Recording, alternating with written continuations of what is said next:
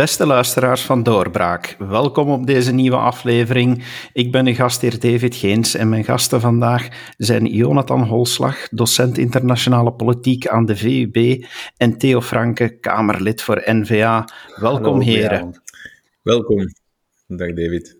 Momenteel staat het leger nogal in belangstelling. Spijtig genoeg uh, door uh, een van hun, ja, misschien bijna ex-soldaten, uh, meneer Konings. Maar los daarvan is het wel zo dat het leger momenteel in opspraak is, dat er veel vragen worden gesteld. Wat, wat, loopt er eigenlijk mis met, met het leger? Waarom, waarom in één keer zoveel problemen die opduiken, meneer Franke? Um, ja, ik denk dat er een aantal verklarende factoren zijn. Um, los van de dossier Konings, waar dat er natuurlijk ook individueel uh, dingen zijn misgelopen en, en blunders gemaakt. Maar het grotere debat, in mijn ogen als beleidsmaker waarschijnlijk ook het interessantere debat, dat gaat over um, een verhaal van structurele onderfinanciering en uh, ja, een, een structurele malaise binnen de defensiegemeenschap en binnen defensie in dit land. Uh, wij zijn uh, de slechtste leerling, of zo goed als na Luxemburg, het groot hertogdom Luxemburg, uh, zijn we de slechtste leerling van de NAVO-klas. Maar we zijn wel een land dat heel veel vruchten plukt van het NAVO-bondgenootschap, door onder andere het hoofdkwartier van de NAVO pas nieuw gebouwd, miljardengebouw, allemaal goed voor onze economie, nietwaar?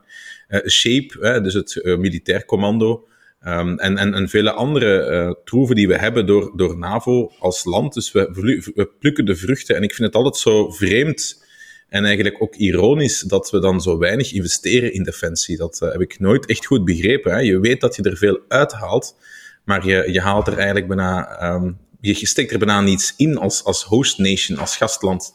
En dat is iets dat, uh, dat, dat me, wel, me wel altijd frappant, dat ik frappant vind.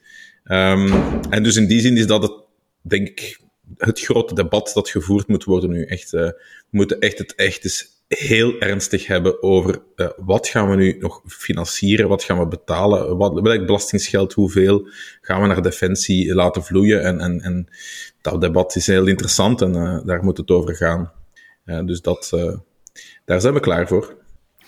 Professor, moet er dan niet eerst de vraag gesteld worden wat voor een leger we willen, nodig hebben, welk type defensie vandaag nog nodig is? Dat is een hele goede vraag. Nu staan me toe om eerst en vooral te benadrukken dat ik denk dat een aantal van de problemen die de krijgsmacht ondervindt eigenlijk ook deels een weerspiegeling zijn van de problemen die we breder in de samenleving uh, ondervinden. Uh, ik denk dat uh, een stukje de chronische onderinvestering in, ehm, in, in de vitale infrastructuur, de vitale uh, instellingen van, van onze samenleving. Uh, verder gaat dan defensie alleen. We stellen dat ook vast in, uh, in andere domeinen van de samenleving. Ik denk dat het typisch is voor een samenleving een stukje die, um, die, die, die, die luxe um, plaatst voor wat eigenlijk essentieel is voor het overleven op lange termijn van die samenleving. Of dat nu gaat om de krijgsmacht om bijvoorbeeld zaken als, uh, als energie of uh, onderwijsinfrastructuur. Voor mij maakt dat deel van een, een groter geheel. Tweede aspect is ook dat je te maken hebt met een hele grote organisatie, een van de grotere organisaties van, uh, van het land. En dat je binnen die organisatie natuurlijk ook um, een aantal problemen ziet, ziet opdoemen die we ergens observeren. Ik denk één dat het moeilijker is om discipline af, af te dwingen. je merkt dat dat bijvoorbeeld al heel, heel manifest uh, wordt uh, aan het begin in, in verschillende opleidingen en dat dat um, de organisatie uh, niet altijd even, even gemakkelijk maakt. En, en tot slot, en dat is toch ook niet belangrijk om te geringschatten, dat is dat een flink stuk van de emoties en de bezorgdheden die er in de samenleving uh, zijn over dat hele brede politieke spectrum, dat die ook terugkomen binnen, uh, binnen de krijgsmacht. Natuurlijk een organisatie waar mensen toch wel dikwijls, zeker als ze op, op operatie gaan, heel zwaar onder, onder druk komen te staan, waardoor een stukje van die emoties soms nog iets gearticuleerder kunnen worden. Dus ik denk dat we dat zeker en vast moeten meenemen, hè, dat de problemen een, deel een spiegel zijn van, uh, van onze samenleving. Voor wat dan betreft de taak van defensie, is het mijn um, stelling altijd al geweest dat uh, de beste beveiliging van een land eigenlijk kracht en sterkte is. Um, we kunnen ons natuurlijk blijven afvragen of we met die krijgsmacht moeten uh, reageren op de onzekerheid vanuit het zuiden en de terreurdreiging bijvoorbeeld. Uh, of um, op de onzekerheid vanuit het oosten, denk maar aan Rusland en China.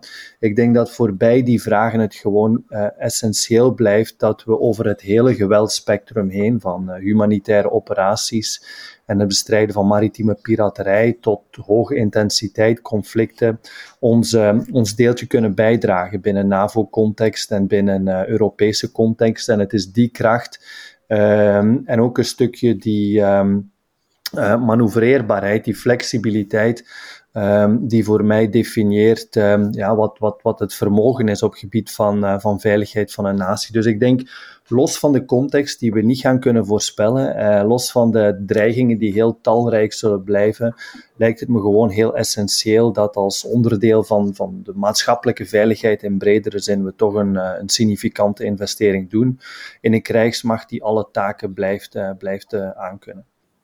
Meneer Franke, u uh, zit ook in, in de NAVO-delegatie, in het NAVO-parlement. Als u dan vergelijkt met de andere landen, gaan wij dan inderdaad veel minder investeren in ons leger? Gewoon ter vergelijking?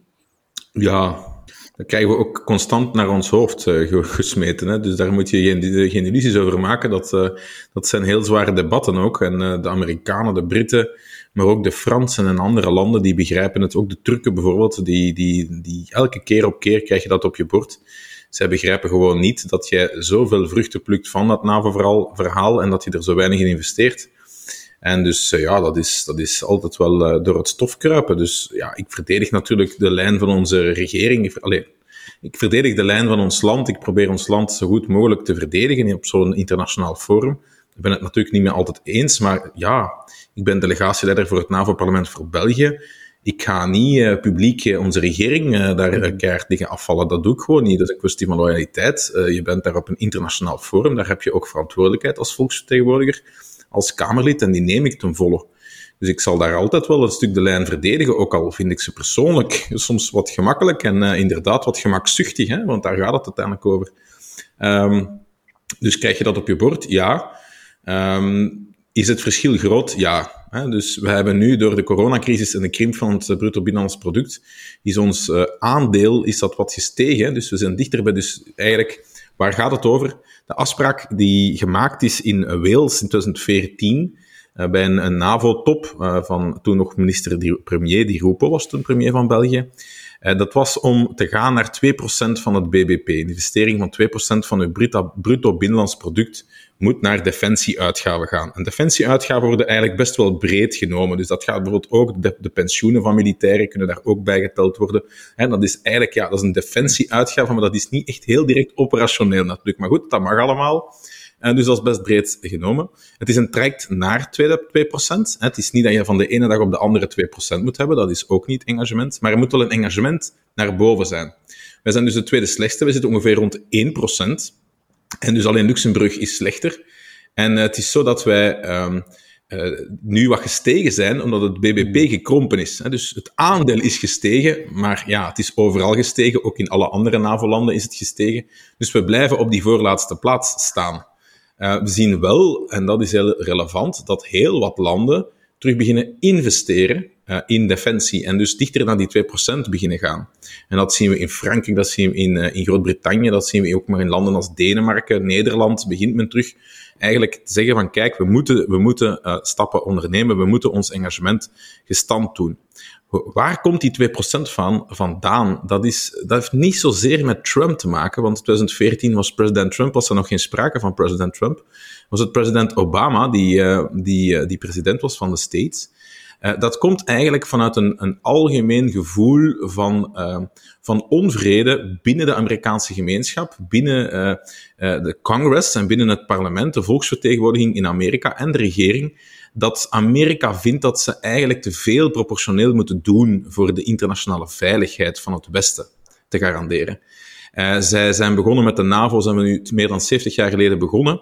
Toen was de verhouding ongeveer 50%, 50%. Dus 50% werd geïnvesteerd door Amerika qua defensieuitgaven en 50% door alle andere lidstaten. Nu zitten we weer op een verhouding 75%, 25%. Dus Amerika investeert 75% van de NAVO-uitgaven en 25% doen alle andere landen. En toen waren we maar met 12, nu zijn we met 30 bijna. Dus, dus dat, dat, verhoudingsgewijs is dat, zit dat helemaal mis. En dus in die zin is het zo dat, dat de States en Amerika echt wel over de partijgrenzen heen, democraten en republikeinen, daar is geen verschil in. Misschien in de manier van het uit te drukken. Trump was nogal directer dan Joe Biden. Hè. Biden is wat diplomatischer, maar het, het komt op hetzelfde neer. Dat ze eigenlijk zeggen, Amerika, uh, kijk, zegt jongens, als je echt nog van ons wilt blijven, van onze veiligheid en onze investeringen blijven genieten, dan zou je zelf ook meer uh, in het potje moeten steken. Want het is, uh, het is gedaan met dat wij altijd moeten investeren in harde veiligheid en dat al die andere landen investeren in zachte veiligheid. Zijn de sociale zekerheid, pensioenrechten, alle mogelijke dingen waar wij miljarden aan uitgeven. En in de States niet. Hè. Iedereen weet dat ze een veel harder sociaal systeem hebben. Uh, de, de, de, de, survival of the fittest zit daar veel, veel harder in hun cultuur en in, in, hun, in hun maatschappij. En dus in die zin is dat, uh, is dat terecht. Is dat een vraag die ik helemaal steun. Uh, en ja, we blijven daar echt een slecht, slechte leerling. Ja. Nu, ik, ik sluit me daar uh, uiteraard bij aan hè, dat we onze verplichtingen moeten, moeten nakomen, dat onze geloofwaardigheid als land en als betrouwbare partner daar een, een stuk van afhangt. Ik zou misschien de argumentatie een klein beetje uh, willen aanvullen, ook door ze wat te verleggen. Hè, die, uh, die verwachting die bestaat niet alleen vanuit uh, de NAVO. Hè. De NAVO wordt er vanuit uh, een bepaald deel van onze samenwerking wel wat kritisch gekeken, hè, omdat die natuurlijk uh, te gedomineerd uh, zou zijn door, door de Verenigde Staten. De eerste opmerking zou natuurlijk zijn dat om die in balans te brengen we zelf meer moeten doen, maar ook vanuit Europese context merk je dat we in contexten zoals PESCO bijvoorbeeld, maar ook in de context van verschillende operaties die de Europese Unie nu op het getouw heeft gezet, toch kritischer worden bekeken. De voorbije jaren zijn er heel vaak uh, vragen gekomen, ook vanuit uh, de Europese militaire staf, om een grotere, groter engagement op te nemen. maritiem, maar ook voor wat betreft diverse trainingsoperaties. En daar konden we ook vaak niet of onvoldoende aan tegemoetkomen. Dus het is niet alleen een NAVO-verhaal. Ik denk ook voor de die-hard EU-believers dat er eveneens een reden is om, om meer te doen. Daarnaast ook stellen we vast dat onze belangrijke bilaterale partners, Nederland, Frankrijk, um, toch ook wel heel kritisch uh, aan het uh, kijken zijn. Hè. Nemen nu bijvoorbeeld uh, dat bejubelde samenwerkingsprogramma um, tussen de Belgische en de Nederlandse marine. Wat ik heel vaak hoor vanuit de Nederlandse marine is dat het allemaal leuk en wel is maar dat de Nederlandse marine te veel en te vaak gaten moet uh, dichtrijden voor wat betreft logistiek, materiaal, wisselstukken, onderhoud en ga zo maar door. En dat, dat zelfs daar een stukje toch wel um, een, een, een, wat negatieve houding um, te, te horen is. Maar het allerbelangrijkste, denk ik, is dat we niet zozeer of niet alleen een betrouwbare uh, partner moeten zijn ten opzichte van uh, andere landen, maar dat we vooral met onze overheid op een betrouwbare manier veiligheid moeten kunnen verschaffen aan onze eigen burgers. Daar is het waar, waar het vooral om gaat. En dat kun je natuurlijk het best doen via internationale samenwerking. Maar er zijn ook thema's als bijvoorbeeld cyberdefensie, het beveiligen van onze maritieme belangen, het beveiligen van ons, ons luchtruim bijvoorbeeld. Um, waarin je als land toch wel een, een onafhankelijke capaciteit, um, uh, minimumcapaciteit moet behouden. Dus in essentie zijn we het vooral onze burgers verplicht. Voor mij is de Verenigde Staten van Amerika blijft een belangrijke speler. NAVO blijft een, eh, een pact waar we um, toe gebonden zijn. Uh, maar de verantwoordelijkheid ligt, ligt bij onze burgers. En ik denk daar dat de voorbije jaren opnieuw toch wel is gebleken dat we die verantwoordelijkheid niet meer naar behoren kunnen opnemen in een aantal domeinen getuigen daarvan heel recent nog de, de, de grote kwetsbaarheid in, in het cyberdomein. Is die, onderfin die onderfinanciering universeel? Investeren we te weinig in alle onderdelen of zijn er bepaalde onderdelen die te weinig aandacht krijgen? Moeten we, moeten we dan kijken specifiek naar, naar meer operaties, naar hmm. meer infrastructuur? Of uh, ja, hoe zit het daarmee? Wel, um, ik denk die, dat die opmerking, uh, of sorry, dat die onderinvestering uh, universeel is binnen, binnen de krijgsmacht tussen de componenten is die overal aanwezig. Hè. Denk maar heel recent ook in de COVID-pandemie, het gebrek aan uh, een stuk capaciteit in de, in de medische component. Maar je merkt ook bijvoorbeeld dat, uh, dat de marine eigenlijk slechts zeer beperkt in staat is om voldoende schepen uit te sturen om deel te nemen aan operaties. Dat ook de luchtmacht um, toch wel moeite ondervindt om bijvoorbeeld gelijktijdig uh, in de Oostzee, de Baltische Zee, uh, of op de Midden in het Midden-Oosten samen te doen, maar vooral die, die landmacht ook, dat die ondanks het feit dat uh, verwacht wordt dat we één tot twee brigades uh, zouden uh, in gereedheid houden, in het beste geval een bataljon kan afleveren. En dan spreek ik echt over het, het, beste geval. Dus ik denk binnen de componenten dat, ehm, dat de problemen wijd verspreid zijn. Maar ook als je het, het, het, verschil maakt tussen de operationele eenheden, laat ons zeggen, hè, waaronder de gevechtseenheden aan de ene kant, en dan de grote staf in, in Evra aan de andere kant dat de druk binnen de eenheden heel groot is, maar dat er ook op het niveau van de staf enorme grote gaten zijn. Hè. Vooral um, binnen de militaire inlichtingendienst denk ik dat we nog altijd te kampen hebben met uh, 20, 30 procent van de, van de jobs die niet worden, worden ingevuld. Maar ook op belangrijke departementen als operaties en, en, en strategie stel je vast dat we niet altijd in staat zijn om naar behoren Europese dossiers op te volgen. En soms zijn vooral die Europese dossiers voor ons heel belangrijk. Hè. Je hebt die PESCO-projecten die gericht zijn op het samen ontwikkelen van militaire technologie. Maar dat vereist natuurlijk wel dat je een aantal uh, officieren hebt die uh, ervoor kunnen zorgen dat onze bedrijven naar behoren participeren en dat er ook voldoende middelen naar België vloeien. En dat is, dat is niet evident. Hè. Ik zeg niet dat het niet lukt, maar dat is niet altijd evident. Dus ik denk dat uh, de hele krijgsmacht echt op het, op het tandvlees zit, waardoor um, het risico op, uh, op, op, op fouten uh, groter is. Um, en waar vooral um, als gevolg daarvan toch de internationale geloofwaardigheid op, of, of dat, dat die uh, in, in, in, in het gedrang begint te komen. Meneer Franke, die verantwoordelijkheid, de politieke verantwoordelijkheid daarvoor, die ligt toch niet alleen bij de huidige regering. Dit is toch al een, een, ja, een facet, die onderfinanciering, die al uh, in verschillende regeringen merkbaar is geweest. Ja, dat is, dat iets van, uh, van heel lang. Hè. Dus um, ik zeg het, we hebben, we hebben heel lang uh, ja, de traditionele as gehad tussen de christendemocratie en de sociaaldemocratie in dit land. Waardoor dat er een enorme klemtoon, klemtoon, zeker ook vanuit het, zuiden, uh, vanuit, uh, vanuit het zuiden van het land, is gekomen op het uitbouwen van een sociale welvaartsstaat. En we hebben enorm, enorm geïnvesteerd uh, in, een, in een sterke en, en sociale zekerheid. Een sterke en sociale zekerheid op vlak van uitkeringen, op vlak van ziektekosten, verzekeringen, pensioenen. leefloon, dat, dat, is, dat is immens. Hè? Onze sociale zekerheidsuitgaven zijn bij de hoogste van heel de wereld. Um, en, en ja, gezondheidszorg, dat zijn natuurlijk ook belangrijke dingen. Ik zeg allemaal niet dat dat niet belangrijk is. Hè. Laat dat heel duidelijk zijn. Dat is allemaal bijzonder relevant en belangrijk. En, en ik denk dat we met de coronacrisis opnieuw hebben getoond dat we toch wel vlak van, eh, van gezondheidszorg, dat we toch aan, heel hoog staan en hoog aangeschreven staan. Uh, dat je bijna gratis gezondheidszorg krijgt als je ziek wordt. Ik ben zelf ook ziek geworden van corona. Ik heb gelukkig niet in het ziekenhuis moeten, moeten liggen.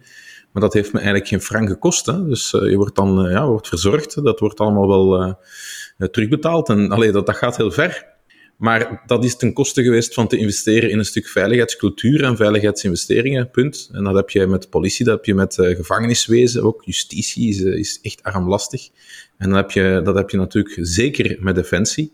Defensie, dat komt niet zo vaak in het nieuws, nu hebben we een hele extreme casus waardoor dat het actueel is. En ik ben eigenlijk, eigenlijk wel best tevreden dat we het er nu eens ten gronde kunnen over hebben. En dat ik hier dan eh, bij jou in de studio mag zitten, al is het digitaal, David. Omdat het, het is iets dat al jaren leeft en, en experten zoals, zoals Jonathan en, Alexander en vele anderen en, en ik natuurlijk, we weten dat allemaal, maar het is heel moeilijk om door die mediamuur daarmee te, mee te komen. En nu is het helemaal out of the open. Dus ja, Um, daar is een collectieve verantwoordelijkheid. Uh, ook wij hebben eh, nog besparingen moeten slikken op defensie. Ook al hebben we wel een kentering ingezet door echt wel een heel ambitieus investeringsprogramma goedgekeurd te kunnen krijgen. Dat was met een Zweedse regering, daar waren geen socialisten bij. Nu zijn de socialisten terug aan de macht. Nu willen ze wel, uh, wel terug meer investeren in personeel. Hè, dus uh, betere verloning van het personeel, een aantal andere dingen. Uh, dus dat, dat op zich is iets wat ik wel steun. ehm, extra personeel aanwerven. Dus ik hoop dat die sense of urgency er, er wel is, maar ik moet toch ook wel zeggen dat als het puntje bij paaltje komt bij begrotingsbesprekingen, is defensie een sluitpost. En geen sluitpost van, hey, we hebben nog een paar miljard over, je krijgt ze. Nee, een sluitpost als zijnde, we hebben nog 300 miljoen euro nodig, uh, we pakken ze bij defensie.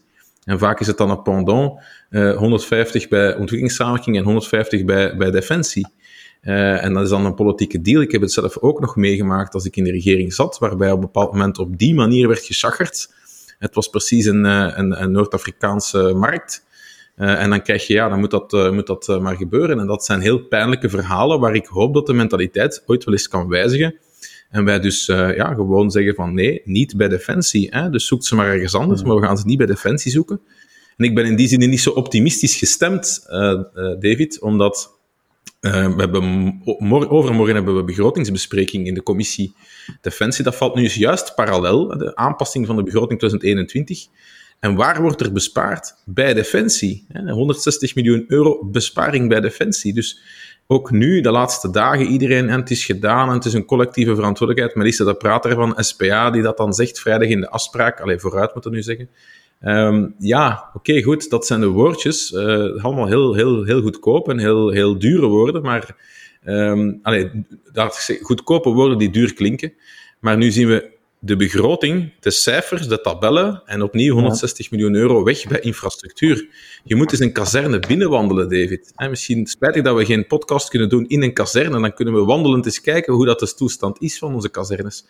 En dat is niet uh, van enkele kazernes. Over het algemeen is de toestand van onze kazernes dramatisch slecht. En dus, uh, wat heeft de Vlaamse regering gedaan over de dramatische slechte toestand van de schoolgebouwen in Vlaanderen? een ambitieus programma uitgewerkt. Miljardenprogramma via Agion. Toen nog Frank van den Broeke, minister van Onderwijs in 2000, om maar te zeggen. Dus het kan wel degelijk ook met socialisten. Wat, wat, wat doen we als we zien dat het echt heel slecht is, op vlak van rusthuizen, ziekenhuizen, VIPA-subsidies, maal vijf. Hè? Dus er wordt dan een investeringsprogramma gemaakt. De kazernes zijn er rampzalig aan toe. En er gebeurt, ja, er wordt wel wat iets meer geïnvesteerd, maar toch heel weinig. Um, en dat is zo opmerkelijk, dat, dat wat elders kan, dat doen we dan niet. Hè. Gevangenissen, een nieuwe gevangenis in Haren, een nieuwe gevangenis in Hasselt, een nieuwe gevangenis in Dendermonde. Overal komen dan nieuwe gevangenissen, want onze gevangenissen zijn rampzalig slecht. Hè. Maar ja, men belooft nu, nu, nu twee nieuwe kazernes. De kazernes van de toekomst, 100 miljoen euro gaat dat kosten. We weten nog niet waar. Ik hoop dat er finaal uit zal komen. Um, dus we hinken achterop. Um, Alleszins, ik eh, kan wel aankondigen dat ik eh, dus voor, ehm, voor woensdag dat wij met onze fractie een amendement zullen indienen, dus een aanpassing van de begroting, zodat die begrotingsbesparing teniet wordt gedaan en dat ze niet doorgaat, dat dat geld bij Defensie blijft. En dan zullen we zien, uh, the proof of the pudding is in the eating, dan zullen we zien wat de andere partijen zullen stemmen. Daar ben ik nu echt heel benieuwd naar. Ik denk als we nu zouden, um, of als de organisatie, als de krijgsmacht nu opnieuw een besparing te verwerken zou, uh, zou gaan krijgen, uh, tegen alle beloften in, ehm, dat dan de, de demotivatie enorm groot zal, zal zijn. Um, en ja, het ligt een beetje in de lijn van, van de vorige regeringen. Hè. Ik denk dat daar de collectieve verantwoordelijkheid ook effectief collectief is.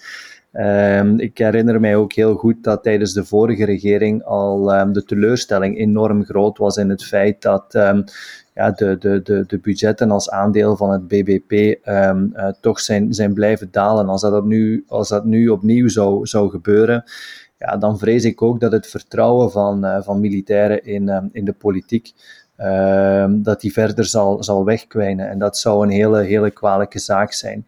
Wat ik heel erg jammer vind ehm, in, um, in heel het verhaal is dat het vaak als of-of uh, wordt uh, gepresenteerd. Ik ben ervan overtuigd dat investeringen in defensie, onder andere in de kwartieren van de toekomst, hè, dat zijn kwartieren die uh, naast de taken van de krijgsmacht bijvoorbeeld ook onderdak zouden bieden aan innovatieactiviteiten, aan uh, KMO's, uh, aan andere bestuursorganisaties, brandweer, politie, zodat er echt een soort van kritische massa zou ontstaan um, die jobs verschaft, regionaal heel belangrijk. Hè. Die uh, zorgt voor uh, de werkstellingsopportuniteiten, maar vooral ook die ondernemerschap uh, aanjaagt. Ik denk dat dat een heel waardevol initiatief is, um, dat vanuit de krijgsmacht ontwikkeld is um, en dat ook zou kunnen gebruikt worden als een, een hefboom om een stukje dat economisch weefsel uh, lokaal te verstevigen, dat, uh, zoals meneer Franke aangeeft, hè, natuurlijk onrechtstreeks ook vitaal is voor het behoud van onze sociale zekerheid. Dus als men nu zou gaan besparen net op die infrastructuur, dan denk ik dat een van de meest um, veelbelovende uh, en ook een van de meest innovatieve projecten van, uh, van Defensie daarmee toch in het, uh, in het gedrang zou komen.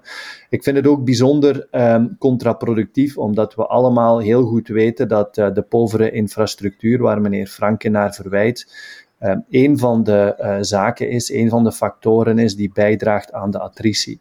En het is inderdaad zo dat we in tal van kazernes op dit moment militairen hebben die na een uren uh, lokalen bezetten, die na een uren ervoor zorgen dat ehm, afvoer van de toiletten wordt, wordt ontstopt, effectief met een handen in de, in de drap en de vuiligheid zitten, omdat anders de stank niet te harde is mensen op inlichtingendiensten die uh, eigen elektronica moeten meebrengen, omdat uh, de, de systemen onvoldoende uh, aan, aanwezig zijn.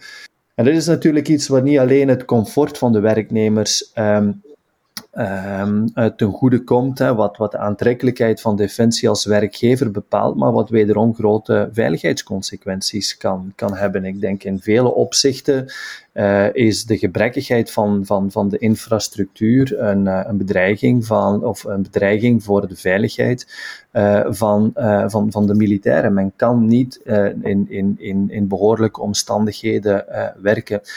Ik herinner me heel goed uh, toen ik uh, een, een, aantal Nederlandse militairen uh, kort begeleidde op het kwartier in Leopoldsburg.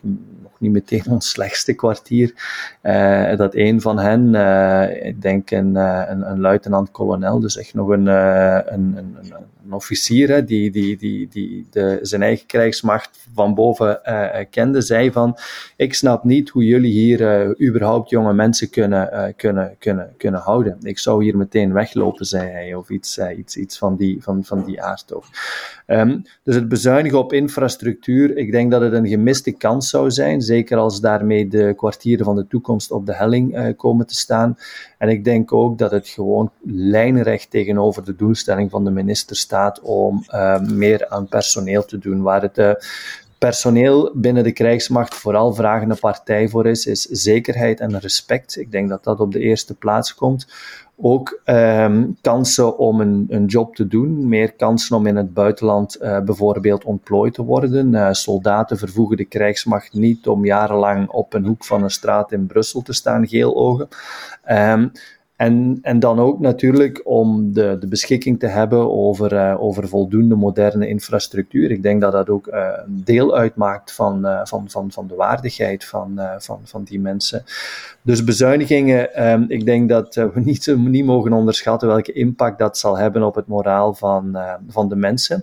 Maar ook, en, en, en dat moeten we meenemen, op de geloofwaardigheid van de militaire leiders zelf. Hè. We hebben. Um, de opperofficieren al jarenlang um, horen zeggen als gevolg van politieke beloften van oké, de, de kentering is in zicht, hè, we hebben het moeilijkste achter ons, de bodem is bereikt. Al jarenlang zeggen de generaals dat tegen de militairen ja, als ze nu nog eens een keer naar die uh, militairen moeten stappen, naar die soldaten die in moeilijke omstandigheden het, het beste van hun werk proberen maken, dan, uh, dan denk ik dat we een record aantal uh, ontslagen zullen zien, ondanks de hogere weddes. Want de weddes zijn niet, denk ik, de enige factor die bijdraagt tot het enthousiasme en, en, en, en de bereidwilligheid van die mensen.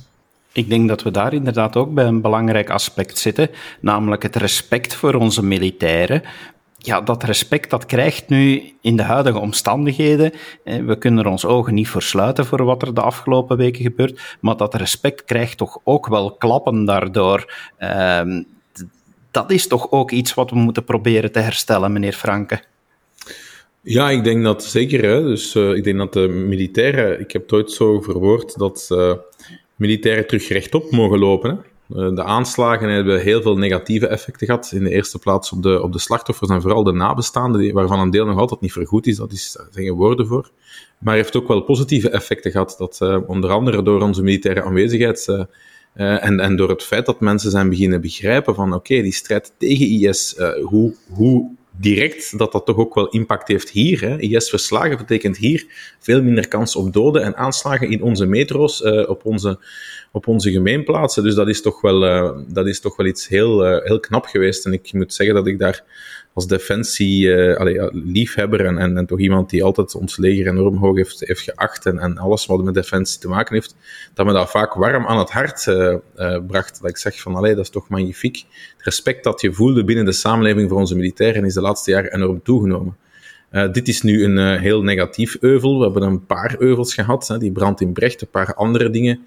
Dat is terug spijtig en ik, ik hoop dat het hierbij kan blijven. Uh, want dat zou heel spijtig zijn en zou eigenlijk oneer aandoen aan vele, aan vele duizenden militairen die, die echt wel enorm, enorm eh, goed werk leveren en best doen voor ons land.